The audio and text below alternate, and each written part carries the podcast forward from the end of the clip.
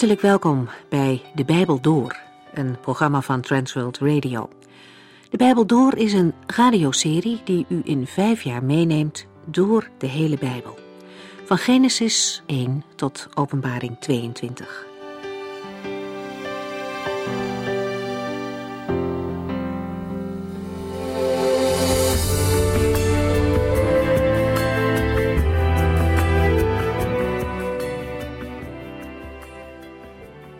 We zijn in deze serie bezig met 1 Corinthiërs.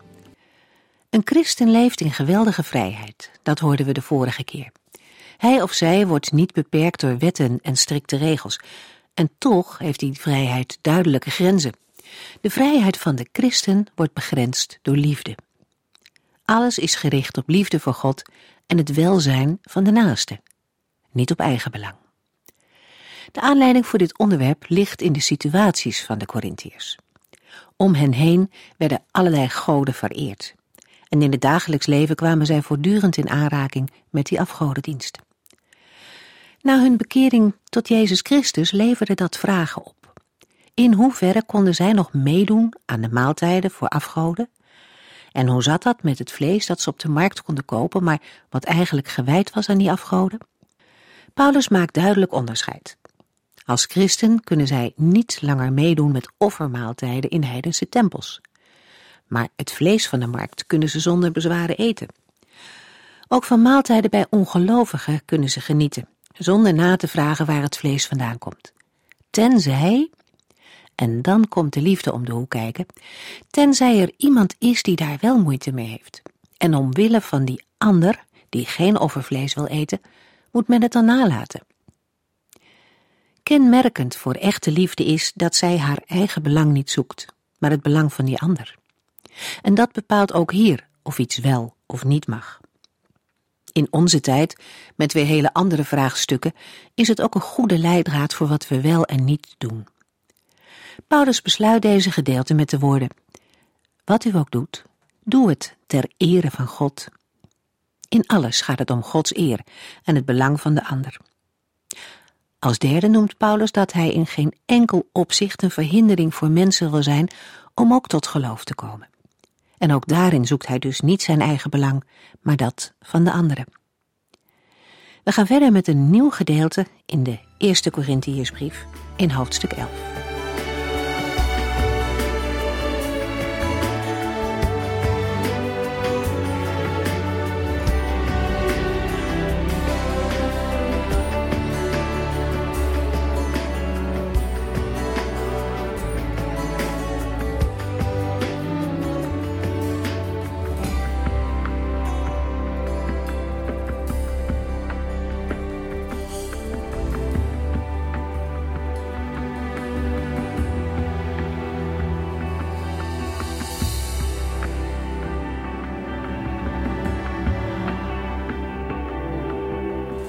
De vorige uitzending hebben we gelezen dat de apostel in vers 3 met een nieuw thema begint.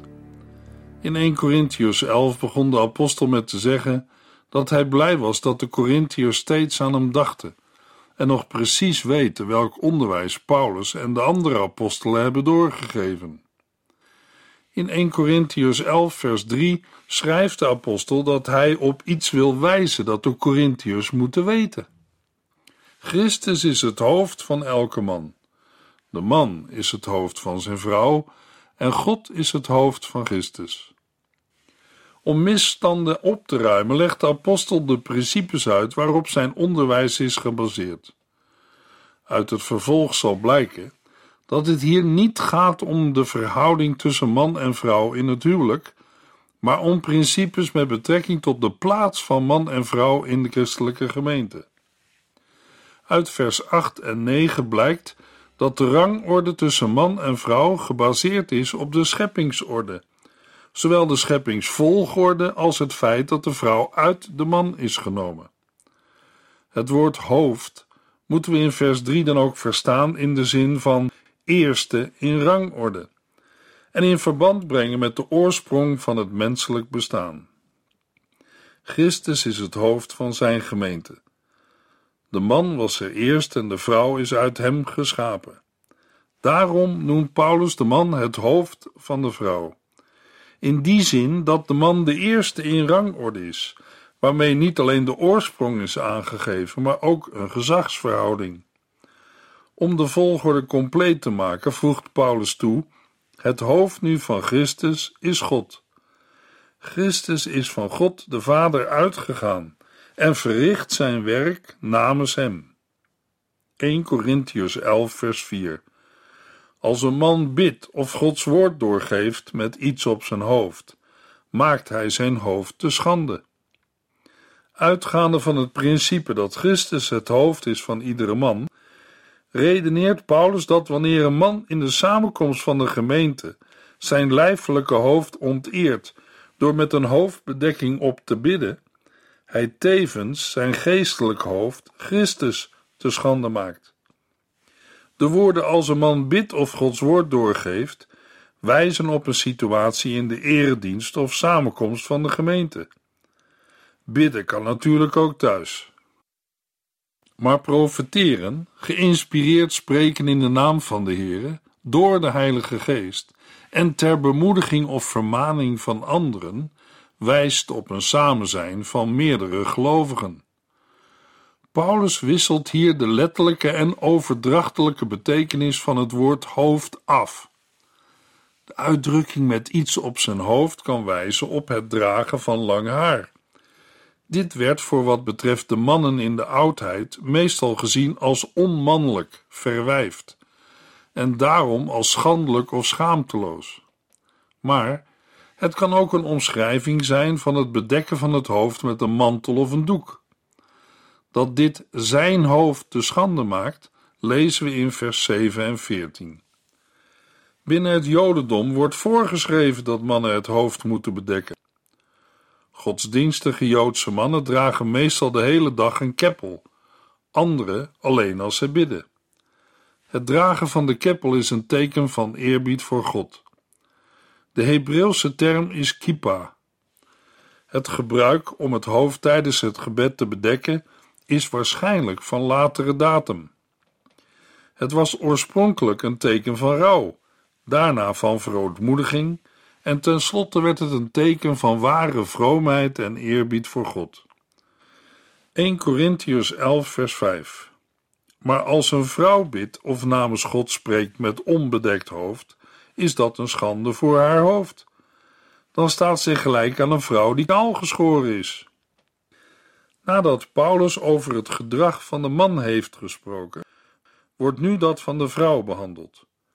Opnieuw gaat het Paulus om een situatie in de eredienst of samenkomst van gelovigen, waar ook de vrouwen in de gelegenheid zijn hardop te bidden of te profeteren. Paulus wil dat onder christenen het door God gegeven onderscheid tussen man en vrouw zichtbaar blijft. Door zonder gepaste kleding, hoofdbedekking, te bidden of te profeteren, doet een vrouw haar hoofd schande aan. Zowel het eigen hoofd als, gelet op de scheppingsorde, dat van haar man. Kaalscheren kwam in die tijd voor bij prostituees. 1 Corinthians 11 vers 6 als een vrouw niets op haar hoofd wil dragen, kan zij net zo goed haar haar laten afknippen. Maar als zij dat onfatsoenlijk vindt, moet zij iets op haar hoofd dragen. Als een vrouw toch niet van plan is om het haar of de hoofdbedekking naar behoren te dragen, waarmee het verschil met een man en de rangorde wordt uitgedrukt, dan kan ze net zo goed het haar, net als een man, laten kortknippen of het hoofd laten kaalscheren. Aangezien een dergelijke mannelijke haarstijl voor een vrouw als schandelijk werd gezien, concludeert Paulus dat de vrouw in het openbaar, tenminste in de eredienst, de gebruikelijke haardracht en hoofdbedekking moet dragen. De achterliggende reden voor sommige vrouwen om met ongedekt hoofd de eredienst te bezoeken, is waarschijnlijk dat zij dat zagen als een uiting van vrijheid en geestelijke volwassenheid. Blijkbaar zeiden sommige vrouwen van de gemeente in Korinthe: Alles is mij toegestaan, en daarom wil ik mijn hoofd niet bedekken. Paulus schrijft dat zij hun hoofd wel moeten bedekken, omdat het een teken van onderwerping is aan de Here en een getuigenis van zijn scheppingsorde. Ze doen het niet voor hun man, ook niet voor de gemeenteleden of de kerk, maar voor de Here. Laten we nog een paar Bijbelgedeelten lezen die meer over deze dingen zeggen. Bijvoorbeeld 1 Timotheus 2, vers 8 tot en met 10. Daarom wil ik dat als mannen hun handen opheffen om te bidden, zij eerlijk en oprecht zijn, zonder enige twijfel of bitterheid in hun hart. En de vrouwen moeten bescheiden zijn, nuchter en netjes in hun kleding en gedrag. Gelovige vrouwen moeten opvallen door hun vriendelijkheid en goedheid, niet door opvallende kapsels, sieraden of dure kleren.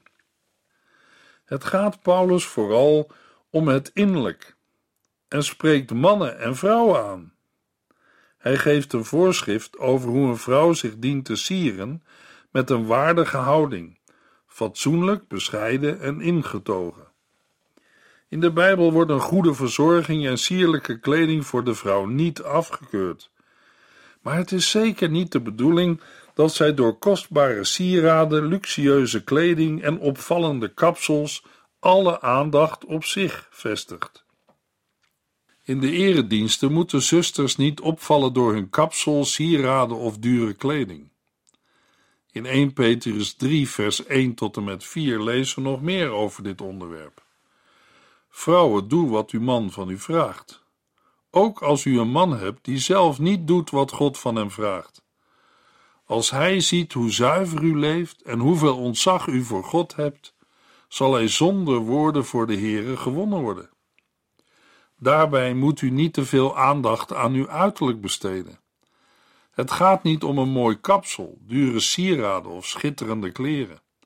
Het gaat om uw innerlijk, om een vriendelijk en evenwichtig karakter. Dat is een onvergankelijk sieraad dat voor God grote en blijvende waarde heeft. De goede wandel van de gelovige vrouw heeft tot doel om de ongelovige echtgenoot te winnen voor Christus. Het winnen van de ongelovige man kan plaatsvinden als de gelovige vrouw een gedrag vertoont dat aantrekkelijk is en heenwijst naar Christus. Als de niet-gelovige echtgenoot dan opmerkt hoe zijn vrouw zich gedraagt, zal haar gelovige manier van leven hem kunnen winnen. De apostel maakt duidelijk dat de innerlijke gezindheid van de vrouw van grotere waarde is dan haar uiterlijk. Hij schrijft deze woorden tegen de achtergrond van de toenmalige wereld, waar luxe en schoonheid, overdaad, wilde en decadentie belangrijke elementen van de samenleving waren. Vrouwen besteden dan ook veel tijd aan hun uiterlijk. Kunstige kapsels, ja zelfs pruiken kwamen er aan te pas, net als het dragen van gouden sieraden als oorringen, armbanden, vaak ingelegd met juwelen, en het dragen van kostbare modieuze gewaden waarbij purper erg in trek was. Een vrouw die zich alleen of voornamelijk bekommert om haar uiterlijk, heeft geen oog voor haar hoge roeping tegenover God en haar ongelovige echtgenoot. Ook hierbij moeten we zeggen dat het onjuist is om uit deze verse de conclusie te trekken dat vrouwen geen aandacht aan hun uiterlijk zouden mogen besteden. Maar het uiterlijk van de vrouw moet een afspiegeling zijn van haar innerlijk, de gezindheid van haar hart. Er worden ook zeker dingen tegen mannen gezegd. 1 Petrus 3, vers 7. En wat de mannen betreft, u moet voorzichtig met uw vrouw omgaan. U weet dat zij zwakker is dan u. Geef haar de eer die haar toekomt, omdat God haar net als u het eeuwige leven geeft. Anders zal er een belemmering in uw gebedsleven optreden. In de antieke wereld had de vrouw meestal alleen maar plichten, de man alle voorrechten. Het geloof in Christus daarentegen moet leiden tot een nieuwe verhouding in het huwelijksleven, gebaseerd op liefde en toewijding. De mannen moeten voorzichtig met hun vrouw omgaan, hetgeen wil zeggen begrijpend en met inzicht in de gevoelens van hun echtgenoten. Deze gezindheid moet het hele huwelijksleven bepalen, inclusief de seksuele relatie. omdat God haar net als u het eeuwige leven geeft, laat zien dat met betrekking tot het geloof in Christus man en vrouw gelijk zijn. En daarom zijn beide erfgenamen van Christus. Waar gelovige mannen de in dit vers verlangde gezindheid gestalte geven, wordt het bidden niet verhinderd.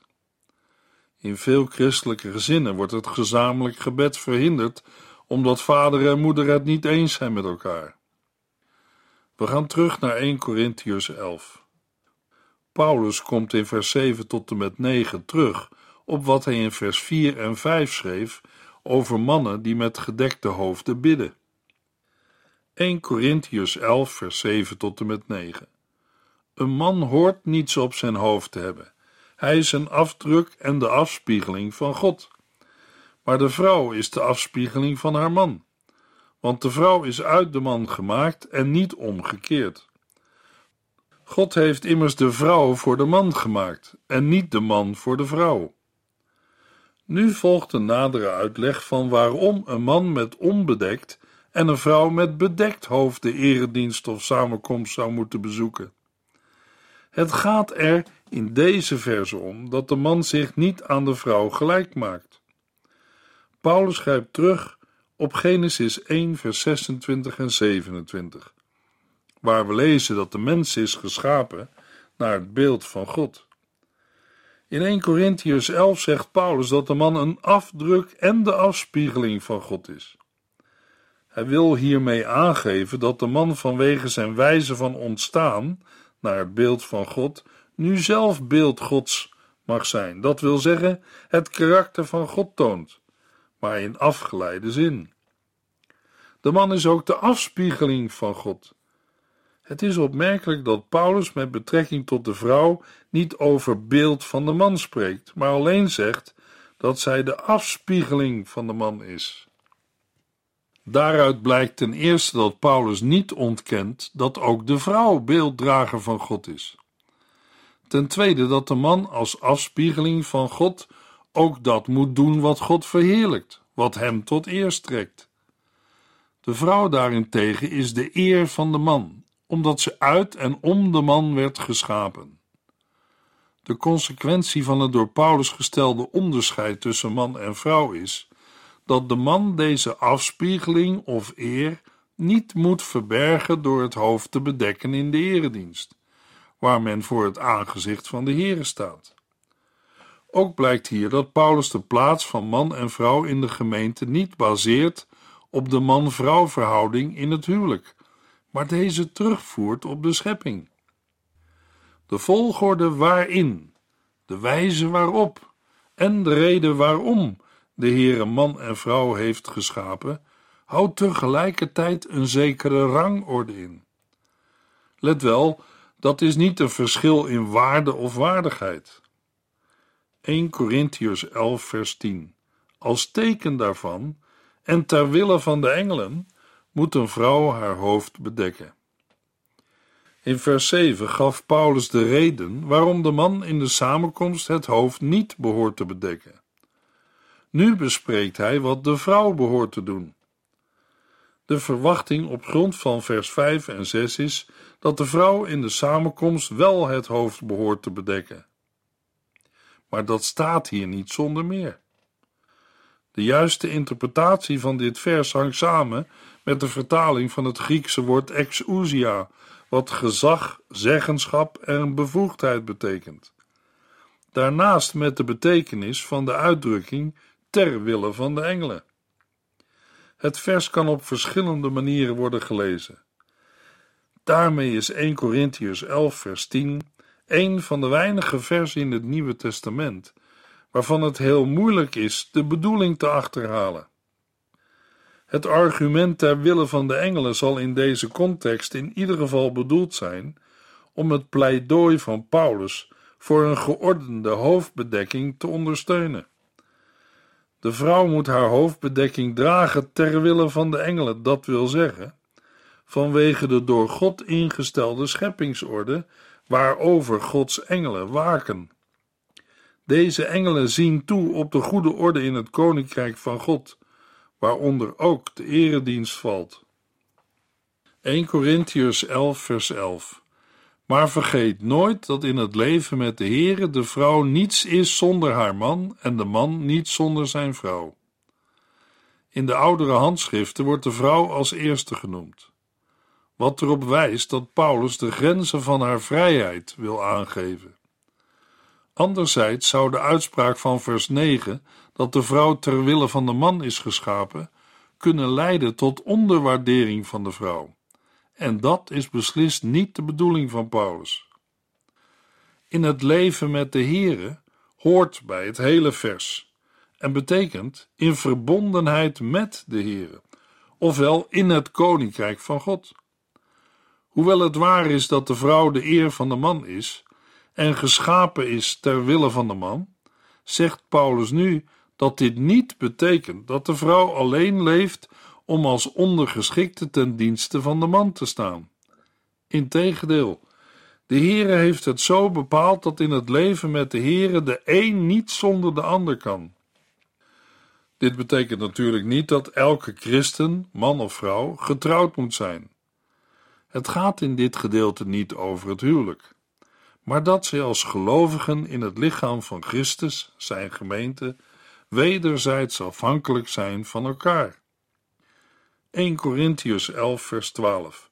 Want hoewel de eerste vrouw uit de man is genomen, wordt iedere man uit de vrouw geboren, en de oorsprong van alles is God. Het doel van Paulus' vermaning is het bevorderen van de onderlinge harmonie en het besef van wederzijdse afhankelijkheid. Enerzijds is de vrouw uit de man, daarmee verwijst Paulus naar de schepping van de vrouw uit de rib van de man, anderzijds wordt iedere man uit de vrouw geboren, wat verwijst naar de voortplanting, waarbij de man toch uit de vrouw, zijn moeder, is geboren. Maar beiden, zowel man als vrouw, vinden samen met alle dingen hun oorsprong en eenheid in de Here. 1 Corinthians 11, vers 13. Zegt nu zelf, broeders en zusters, is het fatsoenlijk dat een vrouw zonder hoofdbedekking tot God bidt? Paulus komt nu tot zijn derde argument om de Corinthiërs ervan te overtuigen dat de vrouw in de eredienst de gepaste kleding hoofdbedekking moet dragen. Het eerste argument: de man is het hoofd van de vrouw. En het tweede argument: de vrouw is de afspiegeling en eer van de man, worden nu gevolgd door een argument uit de natuur. Omdat de natuurlijke verhoudingen, zoals die zowel onder Joden als onder Grieken en Romeinen golden, een gemeenschappelijk element is voor alle mensen, beroept Paulus zich op het beoordelingsvermogen van de Corinthiërs. Hij doet dat met een aantal retorische vragen. De redenering is als volgt aangezien de natuur al aangeeft dat de vrouw, in tegenstelling tot de man, een bedekking in de vorm van lang haar hoort te hebben, is een hoofdbedekking ook gepast. Dat ligt in het verlengde van wat de natuur aangeeft. De eerste retorische vraag luidt: Is het fatsoenlijk dat een vrouw zonder hoofdbedekking tot God bidt? Net als in vers 5 gaat het om bidden in het openbaar dat wil zeggen in de eredienst of samenkomst. Paulus verwacht dat de Corinthiërs voldoende gevoel hebben voor wat fatsoenlijk is. Zij zullen, misschien zonder dat ze het direct kunnen uitleggen, van mening zijn dat dit onbehoorlijk en niet netjes is. 1 Corinthiërs 11, vers 14. Leert de natuur zelf niet hoe het hoort? Het is voor de man een schande lang haar te hebben. De volgende retorische vraag in vers 14 komt bij ons misschien vreemd over, omdat de natuur zelf, zowel bij mannen als bij vrouwen, het hoofdhaar lang laat groeien en daaraan geen argument kan worden ontleend. Verder wordt in sommige culturen lang haar voor de man als eervol beschouwd. De natuur zelf is hier dan ook niet de natuurwet, maar het besef voor wat natuurlijk en normaal is. Het is bekend uit beelden, mozaïeken en persoonsbeschrijvingen dat in de Grieks-Romeinse cultuur het haar van de man werd geknipt en dat lang haar als onmannelijk verwijfd werd aangemerkt. Binnen de Grieks-Romeinse cultuur had men het gevoel dat lang haar bij een man onnatuurlijk, abnormaal en oneervol was. 1 Corinthians 11, vers 15. Maar als een vrouw het haar lang draagt, is het een eer voor haar, want het lange haar is voor de vrouw een natuurlijke sluier. De Griekse vrouw droeg het lange haar in het openbaar niet los, maar binnenskamers of op de eigen binnenplaats kon ze het haar wel los laten hangen. De reden waarom het lange haar eervol is, luidt: het lange haar is voor de vrouw een natuurlijke sluier. Het is Paulus' bedoeling dat de vrouwen op eervolle wijze in de eredienst verschijnen en niet vanuit een vermeende christelijke vrijheid zich door hun uiterlijk te schande maken. Dat niet in iedere cultuur of tijdsperiode dit te schande maken dezelfde inhoud heeft, is duidelijk. Maar het aan deze richtlijnen ten grondslag liggende principe van onderscheid en gepastheid is onveranderlijk. 1 Corinthians 11, vers 16. Als het over deze dingen gaat, moet u niet per se gelijk willen hebben. Daar gaat het ons ook niet om, net zo min als de andere gemeenten. Paulus vermoedt dat niet iedereen in Korinthe zich door zijn argumenten wil laten overtuigen. Het gaat dan om mensen die zelf vinden dat ze gelijk hebben. Maar in de ogen van de apostel zijn het mensen die gelijk willen hebben. Paulus zegt dan: Het is bij ons niet de gewoonte dat vrouwen met ongedekt hoofd de erediensten bezoeken. Paulus heeft zoiets ook nooit eerder geaccepteerd. Hij wil aan het onderscheid tussen man en vrouw vasthouden, net zoals de andere gemeenten, omdat daarin de speciale plaats naar voren komt die de Heere aan mannen en vrouwen heeft toegewezen. In de volgende uitzending lezen we verder in 1 Corinthians 11, vers 17 tot en met 34.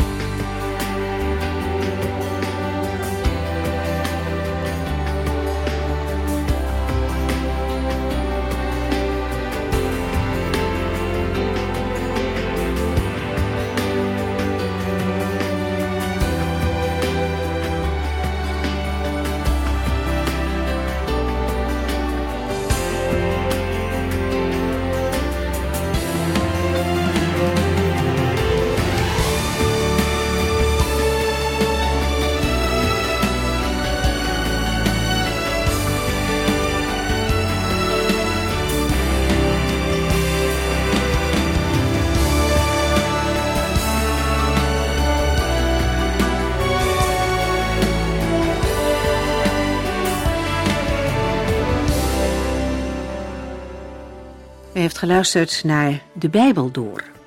In het Nederlands vertaald en bewerkt door Transworld Radio. Een programma waarin we in vijf jaar tijd de hele Bijbel doorgaan. Als u wilt reageren op deze uitzending of u heeft vragen, dan kunt u contact met ons opnemen. Tijdens kantooruren kunt u bellen op 0342 47 8432. 0342 47 8432. 32. Ook kunt u een e-mail sturen naar de Bijbel door transworldradio.nl en natuurlijk kunt u ook via de post ons bereiken. TWR, postbus 371, postcode 3770, AJ in Barneveld. Dit programma werd gepresenteerd door Cor Weda en Ike André. Techniek was in handen van Odin van Woerdekom. En wij allemaal bedanken u voor het luisteren. Graag tot de volgende keer.